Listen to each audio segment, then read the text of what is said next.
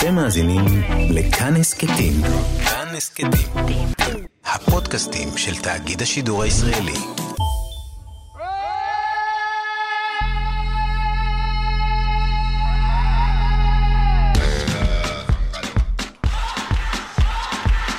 אפריקה הדרומית היא מדינה, לא דרום אפריקה. דרום אפריקה הוא אזור גיאוגרפי, הדרום של יבשת אפריקה. למרות ההיסטוריה הקשה והאכזרית שלה, שכפתה הפרדה גזעית בין שחורים ולבנים, ואולי בזכות ההיסטוריה הזאת, אפריקה הדרומית היא כיום אחת המדינות השוויוניות בעולם. יש בה למשל 11 שפות רשמיות. עוד דוגמה, השופטים בבית המשפט החוקתי באפריקה הדרומית הם השופטים היחידים בעולם שיושבים באותו הגובה כמו עורכי הדין. בניין בית המשפט החוקתי נבנה מלבנים שפורקו מאגף ההמתנה למשפט בכלא לשעבר. חדרי המדרגות של הכלא נשמרו ושולבו בבניין החדש כתזכורת לאופן שבו המדינה התגברה על ימי הדיכוי החשוכים שלה. בית המשפט פתוח לכולם, השופטים יושבים בגובה העיניים של עורכי הדין והציבור. אבל כידוע, אפריקה הדרומית הייתה מדינה אחרת לחלוטין לפני שנות התשעים. סיפורו הסמלי של נלסון מנדלה, לוחם השוויון וזכויות האדם שנכלא בשל כך ושאחר כך הפך לנשיא המדינה, הוא רק הקצה, הסוף של מאבק בין עשרות שנים. את מדיניות האפרטהייד הובילה הממשלה הנבחרת, שהמשיכה וחוקקה חוקים שהלכו והקשיחו את המדיניות הזאת בחסות פרלמנט, שהיה רובו ככולו בשליטתה של הממשלה. טוב, אה, כמעט כולו. כי הייתה אופוזיציה. קראו לה הלן.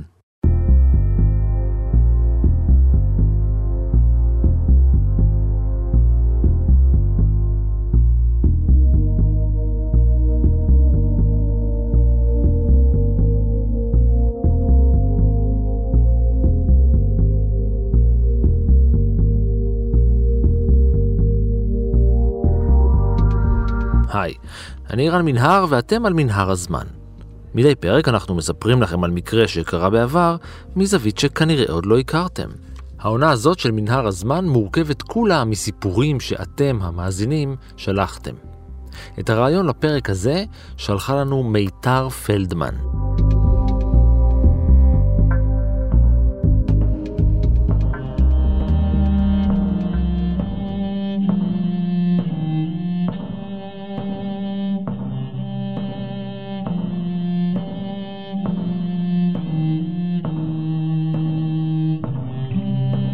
שמואל ופרידה גברונסקי נולדו שניהם בליטא בסוף המאה ה-19. שניהם היו יהודים והקימו משפחה, אבל לא בליטא. סוף המאה ה-19 בליטא היה זמן לא משהו בשביל יהודים. רבים מהם נפלו קורבנות לפוגרומים האנטי-יהודיים שהתרחשו ברחבי האימפריה הרוסית, ועשרות אלפים היגרו למדינות הכי רחוקות מרוסיה, לארצות הברית ולאימפריה הבריטית.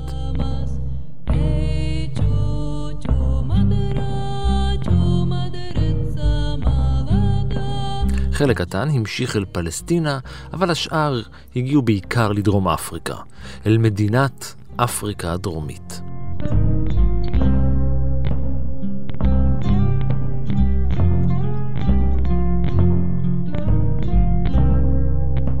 בדרום אפריקה הקהילה היהודית הייתה בנויה משני שליש ליטאים כמעט. זהו דוקטור אלון ליאל, חוקר יחסים בינלאומיים ודיפלומט ישראלי, לשעבר שגריר ישראל באפריקה הדרומית. גרעין מאוד חזק של יוצאי ליטא, שהיו מאוד ציונים, אה, חלק ניכר מהם דוברי עברית, אפילו עברית טובה, קהילה מאוד מאוד מגובשת ומאוד מאוד מאורגנת.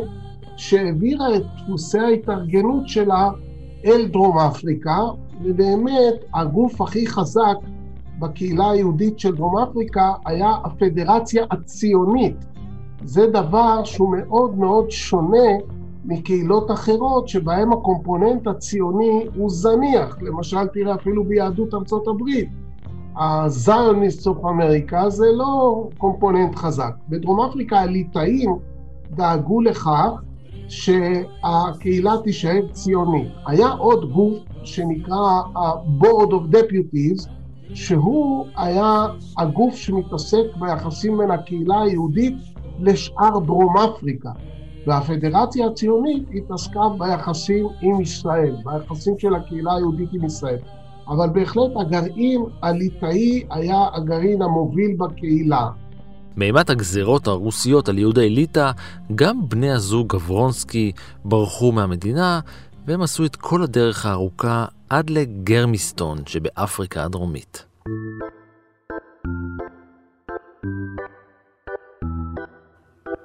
גרמיסטון הייתה עיירת קורים קטנה באחד מפרבריה של יוהנסבורג, העיר הגדולה ביותר במדינה.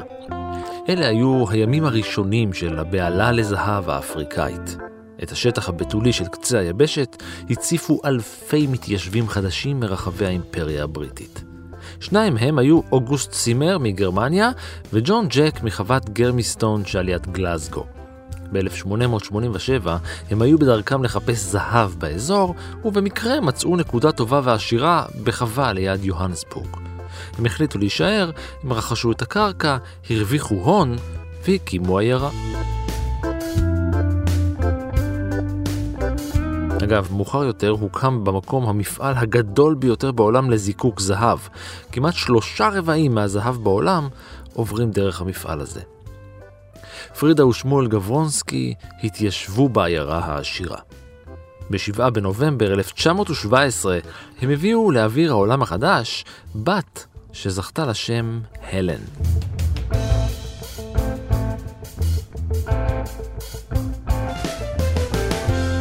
הלן הוא לא שם יהודי, אתם ודאי חושבים, ואתם לא ממש טועים. אבל להורים של הלן הייתה סיבה טובה לתת לה את השם הזה. מקור השם הוא ביוון העתיקה. אלנה. אף אחד לא באמת יודע מה זה אומר בשפה העתיקה ההיא. המילה הכי קרובה שמזכירה את זה היא סלינה, שמשמעותה הוא ירח, ומכאן בהשאלה המשמעות היא אור או זוהר. משפחת גברונסקי הייתה מוצפת באור ושמחה. אה, וגם עושר. הם חיו לא רע בכלל בעיירה שביססה את הכלכלה שלה על זהב.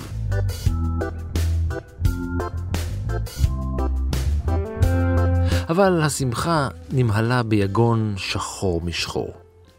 לא הרבה זמן לאחר שנולדה, הלכה פרידה, אמה של הלן, לעולמה.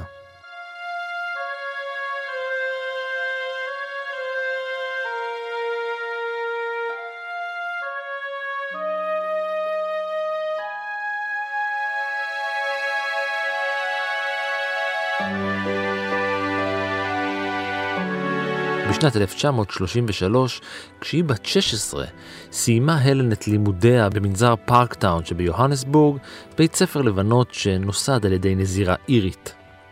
היא המשיכה במסלול הלימודים ונכנסה לאוניברסיטה. כיוון שהמקום בו נולדה, גדלה וחיה, היה כל כולו שקוע בשוק ההון, המסלול הטבעי ביותר עבור הלן היה ללמוד כלכלה. היא עשתה את זה באוניברסיטת ויטווטרסרנד. האוניברסיטה וויטס, המכונה וויטס, כל דרום אפריקאי השתמש בכינוי הזה, את האוניברסיטה הכי חשובה בדרום אפריקה. היא הייתה למעשה אוניברסיטה שנתנה איזושהי מכסה לשחורים מצטיינים, ואפשר היה לראות בשחורים, למרות שבכמות לא גדולה, רוב השחורים שרצו לקבל השכלה ולא יכלו לעבור את הסינון הקפדני של ויץ, הלכו ליוניסה, לאוניברסיטה בהתכתבות, לאוניברסיטה הפתוחה, וגם מנדלה התחיל את לימודיו שם. בשלב יותר מאוחר, כשהוא כבר אה, הצטיין בלימודים, הוא גם התקבל לתקופה מסוימת בוויץ, ושם אגב פגשו אותו אה, חלק מהחברים היהודים שלו. אגב, משמעות שמה של האוניברסיטה הוא רכס מים לבנים, צוק באורך של כ-60 קילומטרים, שממנו נשפכים מפלים רבים שנראים ממש כמו רכס של מים לבנים. בשנת 1937, בגיל 19 בלבד, הפסיקה הלן גברונסקי את לימודיה באוניברסיטה. טוב, אולי לא הפסיקה, אה, היא יצרה לרגע. הייתה לה סיבה טובה, היא התחתנה עם הרופא דוקטור מוזס סוזמן, שהיה מבוגר ממנה ב-14 שנה. יחד הם הביאו לעולם שתי בנות.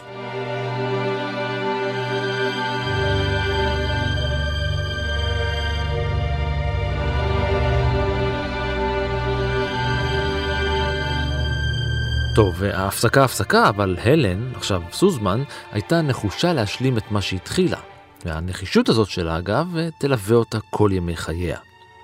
עם תחילת השנה האקדמית של 1941, חזרה סוזמן ופקדה את ספסל הלימודים.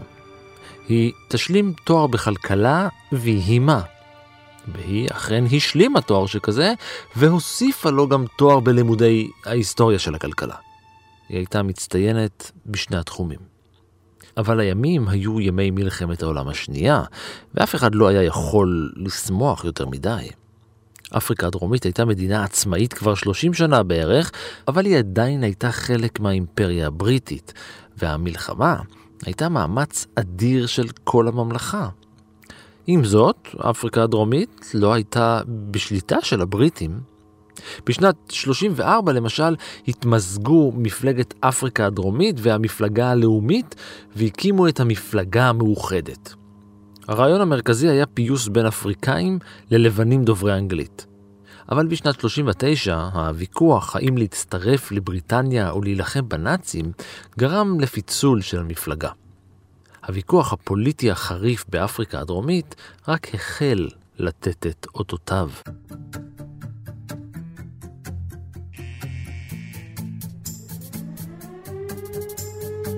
דרום אפריקה כמדינה במלחמת העולם השנייה מזדהה עם גרמניה, מסמפתת את הממשל הגרמני, אוהדת אותו, מה שגורם דאגה עמוקה בקהילה היהודית, כי היה חשש שהאלמנטים הנאצים האלה יישארו אה, לאורך זמן ויפגעו אה, קשות בקהילה היהודית. מבחינת הקהילה היהודית, המלחמה נגמרה כמו שנגמרה בתבוסה של גרמניה הנאצית, ובדרום אפריקה התאימו את עצמם לשינוי, ודרום אפריקה נכנסה למדיניות משלה, גזענית אמנם, אבל לא אנטי-יהודית, לא אנטישמית. הגזענות הופנתה כלפי הצבעים האחרים, השחור, הצבעוני וההודי, וב-1949, זמן לא רב אחרי מלחמת העולם הראשונה, הועברו בפרלמנט הדרום אפריקאי 300 חוקים שלימים נקראו חוקי האפרטהייד. אגב, כבר אז דרום אפריקה התחילה להשתמש במונח אפרטהייד. המונח segregation, שהיה אולי קצת יותר מתאים ויותר מוכר, כבר היו לו קונוטציות שליליות במערב, בעיקר בארצות הברית, ולכן דרום אפריקה בחרה במונח אפרטהייד, שהפירוש שלו, התרגום שלו זה הפרדה, מתוך הנחה שאף אחד בעולם לא מדבר אפריקאנס, ואף אחד לא יבין את המילה הזאת, ושלוש מאות החוקים האלה הפכו אה, לתורה, לחוקה של דרום אפריקה, היום אנחנו יכולים בשקט להגיד לתורת הגזע של דרום אפריקה, אבל היהודים אה, נשמו לרווחה, כי הגזענות כוונה אל גורמים אחרים, לא אליהם, ולהפך, הם היו בגזע העליון. הגזע הלבן היה הגזע העליון, והיהודים היו בתוך הגזע העליון, והיו לכן מוגנים, וברבות הימים גם בין המורווחים, במרכאות, מה, מהתקופה הזאת של האפרטהייד. במקביל ללימודים ולטיפוח המשפחה הצעירה שלה, עד שנת 44 תרמה סוזמן את חלקה למאמץ המלחמתי. היא עבדה בקרן המלחמה של המושל הכללי, וגם כסטטיסטיקנית בוועד אספקת המלחמה. ממש לקראת סופה של מלחמת העולם השנייה, היא הפכה למורה ומחנכת. היא חזרה אל אוניברסיטת ויט ושימשה שם כמרצה להיסטוריה של הכלכלה והתפתחות כלכלית. העניין שלה בכלכלה היה חזק, והקשר בין כלכלה וחברה הוא קשר שאי אפשר לנתק. אין כלכלה בלי חברה, ועצם קיומה של החברה נשען על הכלכלה. נראה שהיחס הזה בין כלכלה, חברה והאדם הבודד, האינדיבידואל, עורר בסוזמן דחפים נוספים. היא הייתה צריכה לעשות שינוי.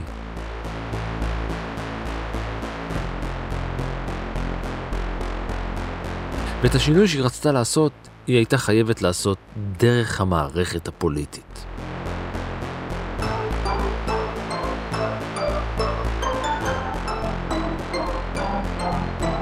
במערכת הבחירות של שנת 1948 הפסידה המפלגה המאוחדת הליברלית ואת מושכות השלטון לקחה המפלגה הלאומית, שנודעה מאז ועד היום במדיניות הקשה שלה, האפרטהייד, הפרדה גזעית המבוססת על עליונות לבנה. המיעוט הלבן שולט ברוב השחור.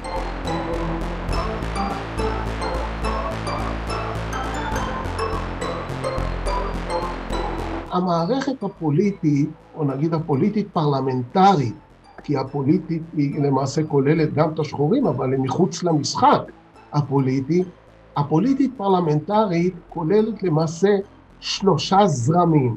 זרם אחד מרכזי, ענק, שהוא ה-National Party, שזה המפלגה שכוננה את האפרטהייד ומבצעת את האפרטהייד בקפדנות, ומימינה מפלגה שמרנית, קטנה יותר, אם ה-National Party היו 75% מהפרלמנט, או לפעמים אפילו עד 80, המפלגה השמרנית הייתה בערך 15% מהפרלמנט, והיא הייתה אה, עוד יותר קיצונית מהאפרטהייד, והביקורת שלה הייתה בעיקר על זה שהאפרטהייד לא מיושם בקפדנות מספקת, לא בקפדנות של 100%. אה, משמאל היה קילוח קל של פרוגרסיבים, ליברליים, שהיו בדרך כלל בין אה, אחוזים בודדים עד עשרה, 12 אחוז מהפרלמנט, והיו מורכבים ממפלגות שונות, עם שמות שונים ותקופות שונות,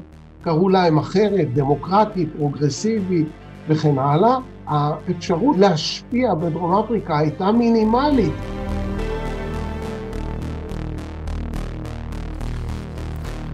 המהפך של בחירות 48 היה הסימן של הלן סוזמן.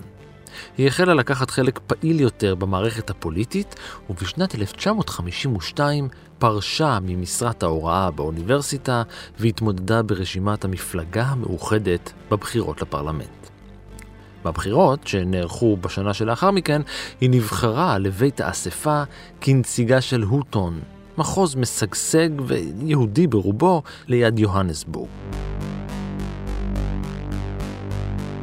הקריירה המפוארת שלה בבית הנבחרים של אפריקה הדרומית החלה, והיא הייתה בלתי מתפשרת. באותה השנה תמכה ועידת המפלגה שלה בהצעת חוק שקבעה הקמה של מתקנים נפרדים ולא שוויוניים לשחורים, להודים וללבנים.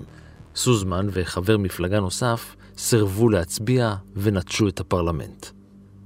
ההתנגדות שלה לגישה הזאת של הפרדה גזעית בין בני אדם שווים, הובילה אותה בשנת 1959 לעשות מעשה. יחד עם עוד 11 חברי פרלמנט ליברליים, הם הקימו מפלגה חדשה. המפלגה הפרוגרסיבית, המתקדמת.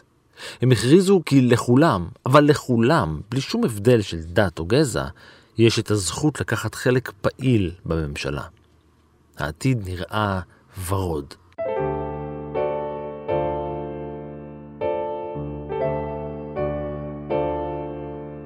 לא, ורוד הוא לא, תיקח בחשבון שבפרלמנט הדרום אפריקאי היו בערך בין 115 ל-120, זה משתנה, בדרך כלל משהו כמו 117 חברי פרלמנט, 11 זה עדיין כלום, ותיקח בחשבון שזה 11 הבוגדים, זה 11 שמותחים ביקורת על האפרטהייד, וכמו שאצלנו אה, מדביקים תוויות לפעמים, אז גם שם הדביקו תוויות, זה לא משהו מלהיב במיוחד.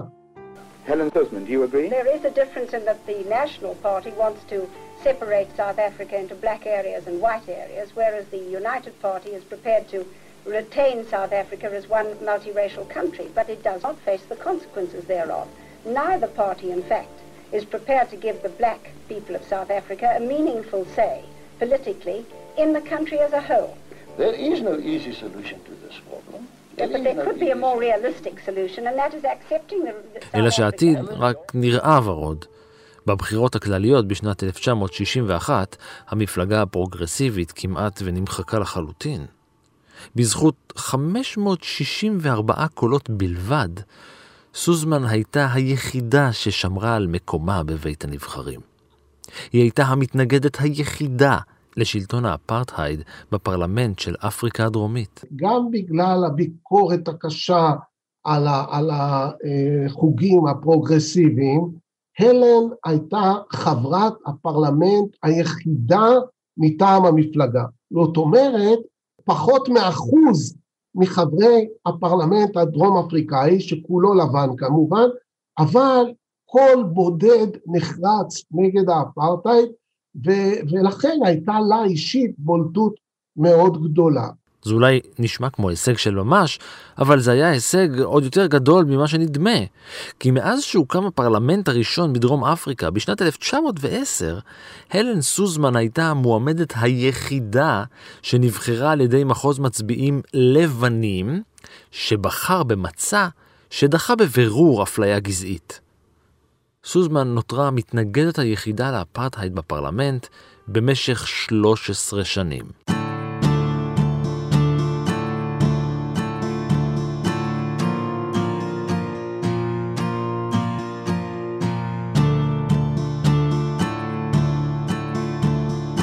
הלן סוזמן הייתה אישה יהודייה דוברת אנגלית בפרלמנט שנשלט על ידי גברים אפריקנרים.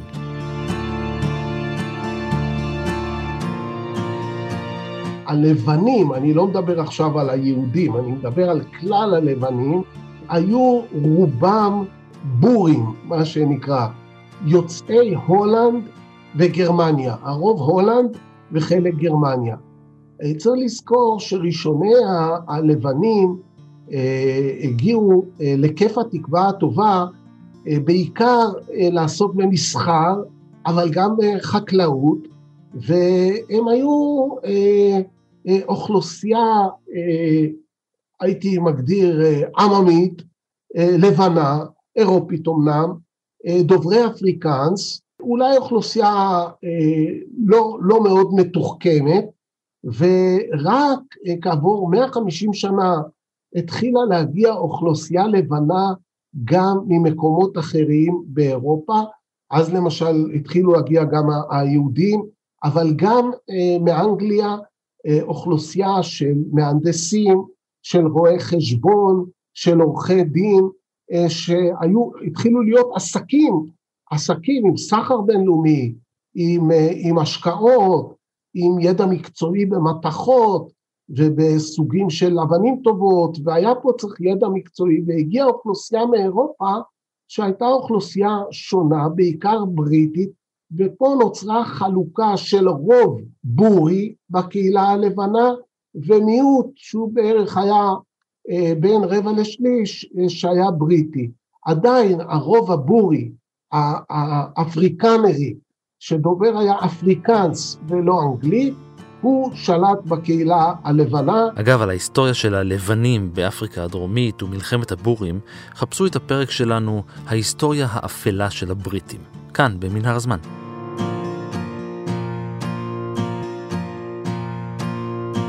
סוזמן הייתה הקול היחיד בבית הנבחרים של אפריקה הדרומית נגד האפרטהייד. היא ביקרה בחריפות את מדיניות האפרטהייד של המפלגה הלאומית, וכתוצאה מכך היא מצאה את עצמה יותר ויותר מבודדת, יותר ויותר בחוץ. לאחר אותן בחירות בשנת 61, הודיע ראש הממשלה, הנדריק פרוורט, שהוא לא ממש סופר את המפלגה הפרוגרסיבית, ושהיא לא ממש יכולה להוות איום כלשהו. מעל בימת הפרלמנט הוא פנה לסוזמן ואמר לה, מחקתי אותך. סוזמן ענתה לו, וכל העולם מחק אותך. בעצרת פומבית ביוהנסבורג בשנת 66 גינתה סוזמן את השימוש בסמכויות שרירותיות על ידי שר המשפטים והגדירה את הממשלה כבריונים צרי אופקים בעלי דעות קדומות. פרוו היה עוד שייך לפוליטיקאים הדרום אפריקאים שתמכו בנאצים במלחמת העולם השנייה. בסוף שנות ה-40 פרוורט מנהיג את דרום אפריקה אל תוך האפרטהייד. פרוורט נחשב מכונן האפרטהייד. השלוש מאות החוקים שעליהם דיברתי הם הארכיטקטורה הפוליטית של פרוורד ואין בהיסטוריה הדרום אפריקאית פוליטיקאי יותר מזוהה עם האפרטהייד מפרוורד. הוא באמת אה, נרצח מאוחר יותר, אה, והוא נחשב מכונן האפרטהייד. לאחר הרצח, פיטר וויליאם בוטה, נשיא אפריקה הדרומית, האשים את הליברלים במעשה. אתם עשיתם את זה, הוא צרח על סוזמן, ועכשיו אנחנו הולכים לתפוס אתכם. היא דרשה, ובסופו של דבר קיבלה, התנצלות רשמית, אך האיבה בין השניים נותרה. בבחירות של שנת 66 התיישב על כיסא ראש הממשלה ג'ון וורסטר, שבגדול לא שינה דבר במדיניות האפרטהייד. באותה השנה נבחרה שוב סוזמן לפרלמנט וטיפחה את הקשרים שלה עם מתנגדים למדיניות האפרטהייד. השלטון מצידו ראה במתנגדי המדיניות מתנגדים לשלטון עצמו. אחד מהם היה נלסון מנדלה.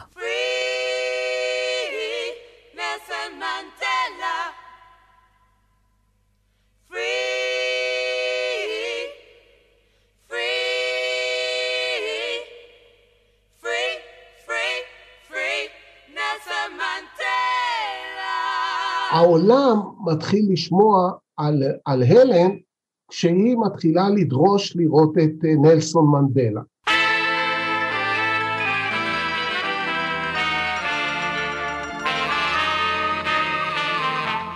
נלסון מנדלה ישב בכלא באי לא רחוק מקייפטן, אי רובין, רובין איילנד, הוא נכנס לכלא ב-1963, האפרטהייד היה כל כך אה, אכזר כלפי אנשי המאבק, אנשי מנדלה, שהוא לא התיר לפרסם את שמו ואת תמונתו כל התקופה שהוא בכלא, ולכן העולם, העולם לא יודע מי זה נלסון מנדלה, וכשהלן מתחילה לדרוש אה, לראות אותו בכלא, לפי החוק הדרום אפריקאי, כל חבר פרלמנט יכול היה לבקר אסירים בכלא.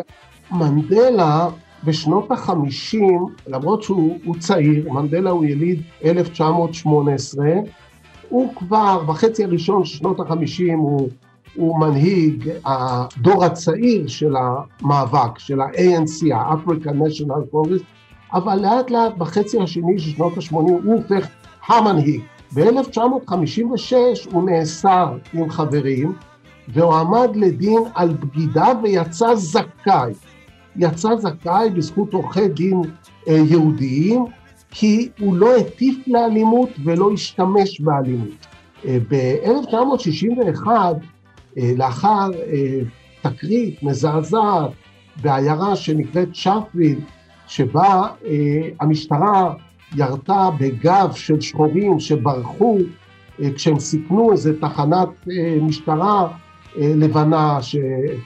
והתחילו לברוח שהשוטרים ירו, מנדלה היה כל כך מזועזע שהוא עבר למאבק אלים, למרות שהוא מחסידי מרטין לותר קינג וגנדי והנון ויולנס, אי האלימות, היא ב-DNA שלו, אבל הוא אומר אין ברירה, אני עובר למאבק אלים והוא נתפס אה, בחווה אה, ביוהנסבורג, שבה הוא בהתייעצות עם ההנהגה של המאבק האלים, ואז הוא מועמד למשפט, וב-1963 הוא מקבל מאסר עולם.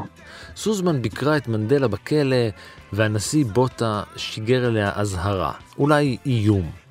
אל תיפגשי עם מתנגדי המשטר. וגם אצלנו, כל חבר פרלמנט שמבקש יכול לראות למשל את אה, מרואן ברגותי, והיו כאלה שעשו את זה, בעיקר חברי כנסת אה, מהחברה הערבית, אבל הלן דרשה ודרשה ודרשה, עד שהדרישות האלה אה, נמאסו, נגיד, על, על השלטון, או שהתחילו לחלחל אפילו החוצה ולהביך את השלטון, והיא קיבלה אישור לראות את נלסון מנדל בכלא. זה היה מפנה עצום בתולדות האפרטהייד, כי כל מי שאי פעם פגש את מנדלה, יודע שמנדלה הוא דמות מגה כריזמטית, מחשמלת, ו- והלן אה, נשבתה בקסמו, בעצה אחת איתו החליטה איזה מסרים של המאבק ואיזה מסרים אישית של מנדלה להעביר החוצה מהכלא לציבור הדרום אפריקאי ואיזה לעולם. והעולם לא ממש שתק לנוכח האפרטהייד.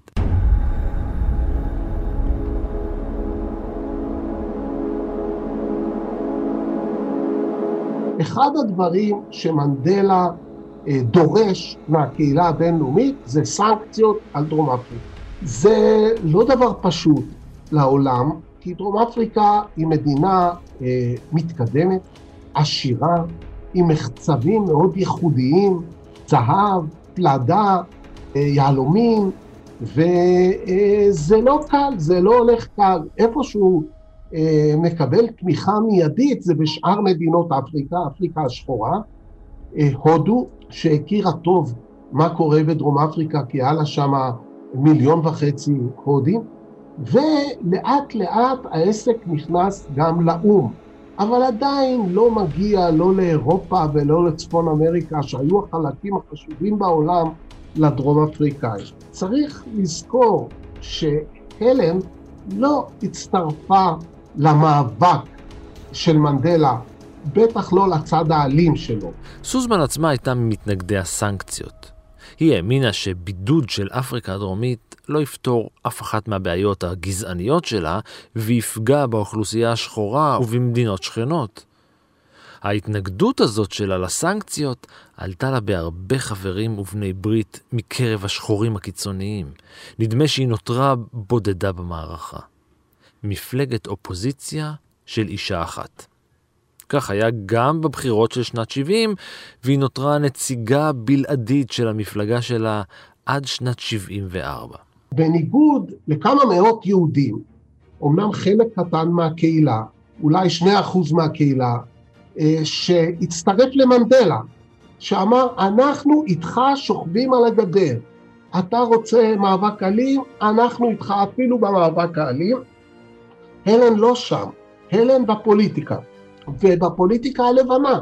הלן לא נוטשת את הפרלמנט ה-all white, היא כל הזמן בפרלמנט. היא כאילו נאבקת באפרטהייד מתוך האפרטהייד, מבפנים. חלק מהיהודים שהצטרפו למנדלה נאבקו מבחוץ, ופה יש פער בינה ובין מנדלה. כאמור, 13 שנים היא ישבה לבדה בפרלמנט מול חקיקות של הפרדה גזעית, של צנזורה עיתונאית, של זכויות בסיסיות, והיא לא חסכה את הביקורת שלה.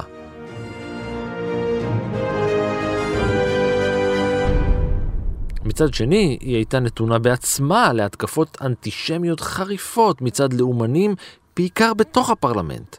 לעיתים קרובות היא זכתה להטרדות טלפוניות מצד גורמים במשטרה, שיחות איומים והודעות מגונות וגזעניות. בבחירות של 74, הבידוד הפרלמנטרי שלה נגמר. אל סוזמן הצטרפו עוד שישה חברים, והמפלגה הפרוגרסיבית הפכה למפלגה הפרוגרסיבית הפדרלית. ובשנת 77 הפכה לאופוזיציה הרשמית במדינה. אחרי שנה זכתה סוזמן בפרס זכויות האדם של האו"ם.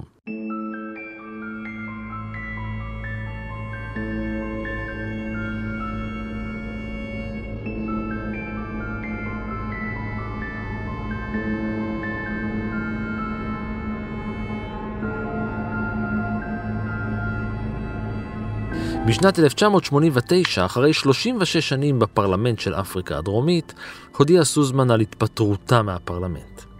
אחת הפעולות האחרונות שלה כחברת פרלמנט הייתה בקשה להפללת שופט שהטיל עונש מאסר על תנאי על חקלאי לבן שנמצא אשם בהכאת עובד שחור למוות. אבל גם לאחר שירותה הציבורי, סוזמן נותרה מעורבת באופן פעיל בפוליטיקה במדינה. היא הייתה נשיאת המכון לאפריקה הדרומית ליחסי גזע החל משנת 91. במסגרת הזאת היא הייתה מעורבת בהכנת ראיות לחקירת ועדה בנוגע לחוקים שחלים על אפריקאים באזורים עירוניים ועל מהגרי עבודה. אחרי 20 שנה או 22 שנה של מנדלה בכלא, העסק מתחיל להיות משחק בינלאומי. כשמערב אירופה, אז קראו לזה עוד השוק המשותף, 12 מדינות, מצטרפות לסנקציות, אז דרום אפריקה מתחילה להרגיש את הכאב, והם מתחילים לחשוב אה, מה הם עושים, מנדלה יוצא מרובין איילנד, עובר בהתחלה דירה בקייפטאון, אחר כך לווילה בקייפטאון, כשהוא לבד בווילה, אסיר יחיד בווילה, ומתחיל איתם משא ומתן לשחרורו, ושתיים מהבולטות בדרישות שלו הן שהוא משתחרר עם כל האסירים ועם כל הגולים שחוזרים, היינו ה-ANC מפסיק להיות ארגון טרור, והדרישה השנייה, הם לא מוותרים על המאבק המזוין ולא הופכים להיות מפלגה, הם ממשיכים להיות תנועת שחרור. הלבנים אה, בסופו של דבר מקבלים את זה ומשחררים אותו בפברואר 1990, וזה ללא ספק ציון דרך בהתחלת הנפילה של האפרטהייד. And the crowd getting excited. There's Mr. Mandela, Mr. Nelson Mandela, a free man taking his first steps into a new South Africa. Mrs. Winnie Mandela next to him, waving to the crowds. אחרי שלוש שנים בהן עסקה בפעילות ציבורית, חברתית והומנית, וגם הייתה חברה בוועדה לזכויות אדם, מונתה סוזמן על ידי נלסון מנדלה לכהן בוועדת הבחירות העצמאית הראשונה במדינה, שפיקחה על הבחירות הדמוקרטיות הראשונות. זה קרה בשנת 94. ב-24 באפריל 1994, מנדלה מנסח בבחירות, אני שם שגריר, אני, קשה לי לתאר את האופוריה, כי זה לא רק ה-40 מיליון שחורים, צבעונים והודים שבאופוריה. האופוריה הייתה גם נחלתם של, של חלק גדול מאוד מהלבנים, כי מנדלה בשנים שהוא בחוץ, יחד עם, ה, עם הלבנים ש, שמדריכים אותו ומחבקים אותו, מנדלה, אה, הייתי אומר, מצליח אה, גם להתחבר על חלק מהלבנים, אבל יותר מזה, לרכוש את אמונם שהוא לא ינטור טינה. ב-1994 הייתה התרגשות עצומה משום ש-85% מהבוחרים אף פעם לא הצביעו ורבים מהם אה, לא ידעו קרוא וכתוב, אה, אפילו לא, אי אפשר היה לכתוב על הפתק את שמות המפלגה כי, כי פחדו שהם לא יזהו ולכן על הפתק שמו את תמונות המנהיגים כולל את מנדלה אבל היה חשש מאוד מאוד מאוד גדול מזיופים וביקשו מאיתנו, אה, כמו מכל מדינות העולם הדמוקרטיות, לשלוח משלחת של מפקחים לבחירות ואני אה, אה, הבאתי משלחת מכובדת מהארץ וגם עם שרנסקי, נתן שרנסקי.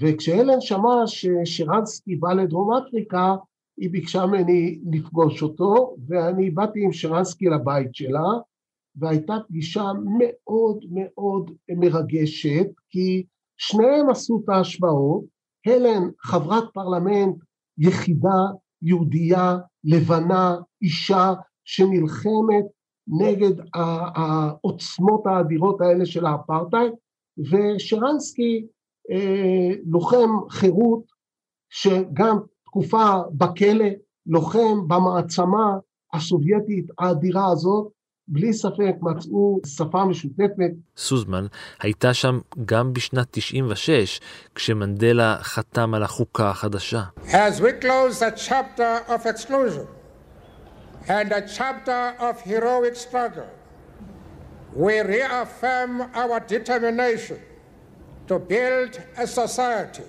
of which each of us can be proud as South Africans, as Africans, and as citizens of the world. אין לי ספק שהמעגל המשפחתי של מנדלה, המעגל שמנדלה מחבק ואוהב ורואה אותו כמשפחה, זה המעגל של המאבק.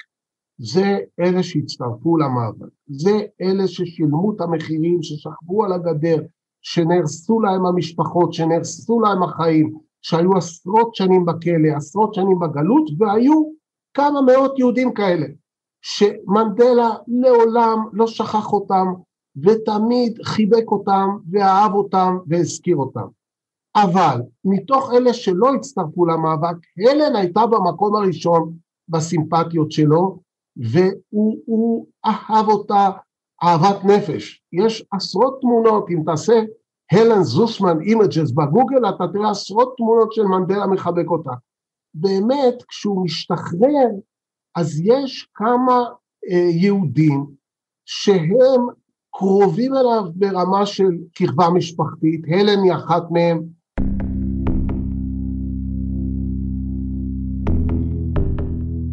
בנאום בשנת 2004, בגיל 86, התוודתה סוזמן כי היא מאוכזבת מהקונגרס החדש.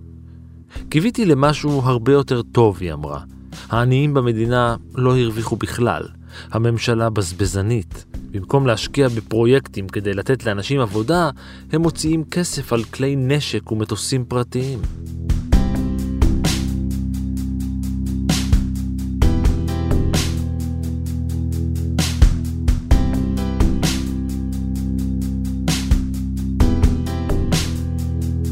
ב-1 בינואר 2009 הלכה סוזמן לישון ולא התעוררה. היא הייתה בת 91.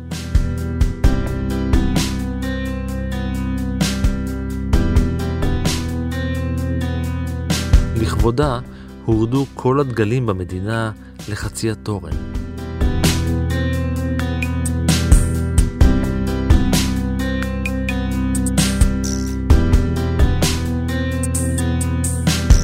ולא חשבתם לרגע שאין פה קשר ישראלי, נכון? אז ודאי שיש. קוראים לו אלון ליאל. בניגוד ל- ליהודים שהצטרפו למאבק, הל- להלן תמיד הייתה בראש תמונה אה, חיובית ואוהדת לישראל. הרבה מהדרום אפריקאים שהצטרפו למנדלה אה, לא יכלו ליישב בראש את העניין שישראל בונה את הצבא של האפרטהייד, מחמשת אותו, ולהמשיך לסמפת אותה. אצל הלן הייתה פה הפרדה. תחילת 1987, כשאני מגיע לביקור ראשון בדרום אפריקה ואני מעביר להלן מסר שאני רוצה להתחיל לפגוש את המנהיגות השחורה אה, שהייתה משוחררת, שלא הייתה בכלא, בעיקר איגודים מקצועיים ואחרים שסולדים מהאפרטהייד, היא למעשה ארגנה לי את החלק של הביקור שהיה בקייפטאון, ואני פוגש אותה בבית קפה בקייפטאון, והיא מתחילה לתדרך אותי. אני מסביר לה שאנחנו במשרד החוץ לפחות, זה לא הייתה מנת חלקו של משרד הביטחון, אבל משרד החוץ, אנחנו רוצים לסלול את דרכנו אל אנשי מנדלה, כי אנחנו מאמינים שהם ישלטו בדרום אפריקה בעתיד, והיא מתחילה לעזור לי בניווט. לתדהמתי, לאותה פגישה על כוס קפה אה, בקייפטאון, היא הזמינה את אה, גדול הסופרים הדרום אפריקאים דאז, ג'ון קוצי, שאחרי כמה שנים מקבל גם את הנובל לספרות, ואנחנו יושבים שלושתנו, והיא אמרה, רציתי שגם אה, ג'ון יהיה פה, כדי שגם הוא ייתן לך את הרקע, והייתה שיחה מעניינת, ובסוף השיחה הבנתי למה ג'ון הצטרף, הוא אמר לי, תשמע, אתה יודע, אנחנו פה, ליבנו חצוי בנושא ישראל, והוזמנתי אה, בעוד חודשיים, אה, אני מדבר איתך על פברואר 87, היינו, הוזמנתי באפריל 87 לקבל את פרס ירושלים לספרות, מה אתה אומר, לנסוע או לא לנסוע? עכשיו, אני כמובן פקיד ישראלי, אני אומר לו כמובן תבוא, והוא באמת יותר מאוחר הגיע, אבל הוא רצה לשמוע מה, מה הולך בישראל, אם כדאי שהוא ייקח את הפרס הזה ויבקר, והוא אכן בא וביקר, אבל בכל אופן הלן נשארה היועצת שלי לענייני הניווט אל אה, האופוזיציה לאפרטהייד, ביוהנסבורג פגשתי עוד מנהיגים, ואחר כך עשיתי עוד ביקורים, בכל ביקור פגשתי את הלן והתייעצתי איתה, וכשהגעתי ב-92 כשגריר כבר היינו חברים מאוד טובים, ומנדלה כבר היה משוחרר, וגם אה, בקשר עם מנדלה היא עזרה לי מאוד. So what's the legacy? The legacy is use your access and see for yourself. Don't take what the press says or what other people tell you as gospel truth. Go and verify.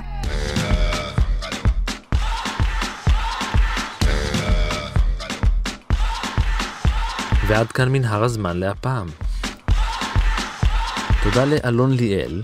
אתם מוזמנים לחפש את הספר שלו, צדק שחור, שעוסק במהפך של אפריקה הדרומית. אם אני אשאל היום אלף בני נוער בגילאי תיכון מי זאת אלן זוסמן, אם שניים ידעו, אני אופתע לטובה.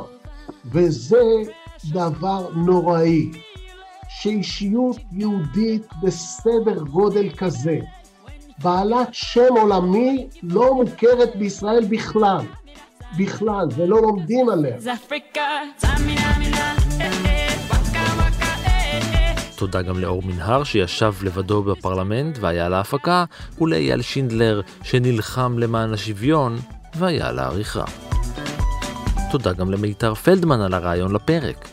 גם אתם מוזמנים להמשיך ולשלוח לנו רעיונות לפרקים, אתם מוזמנים גם להמשיך ולעקוב אחריי ברשתות החברתיות, בפייסבוק ובטוויטר, להגיב, להעיר, ובעיקר להתחבר. עוד סיפורים מההיסטוריה ופרקים אחרים של מנהר הזמן מחכים לכם כל העת באתר שלנו, באפליקציה כאן, בכל יישומון הסכתים אחר, וגם בספוטיפיי. אני רן מנהר, נשוב וניפגש בפרק הבא.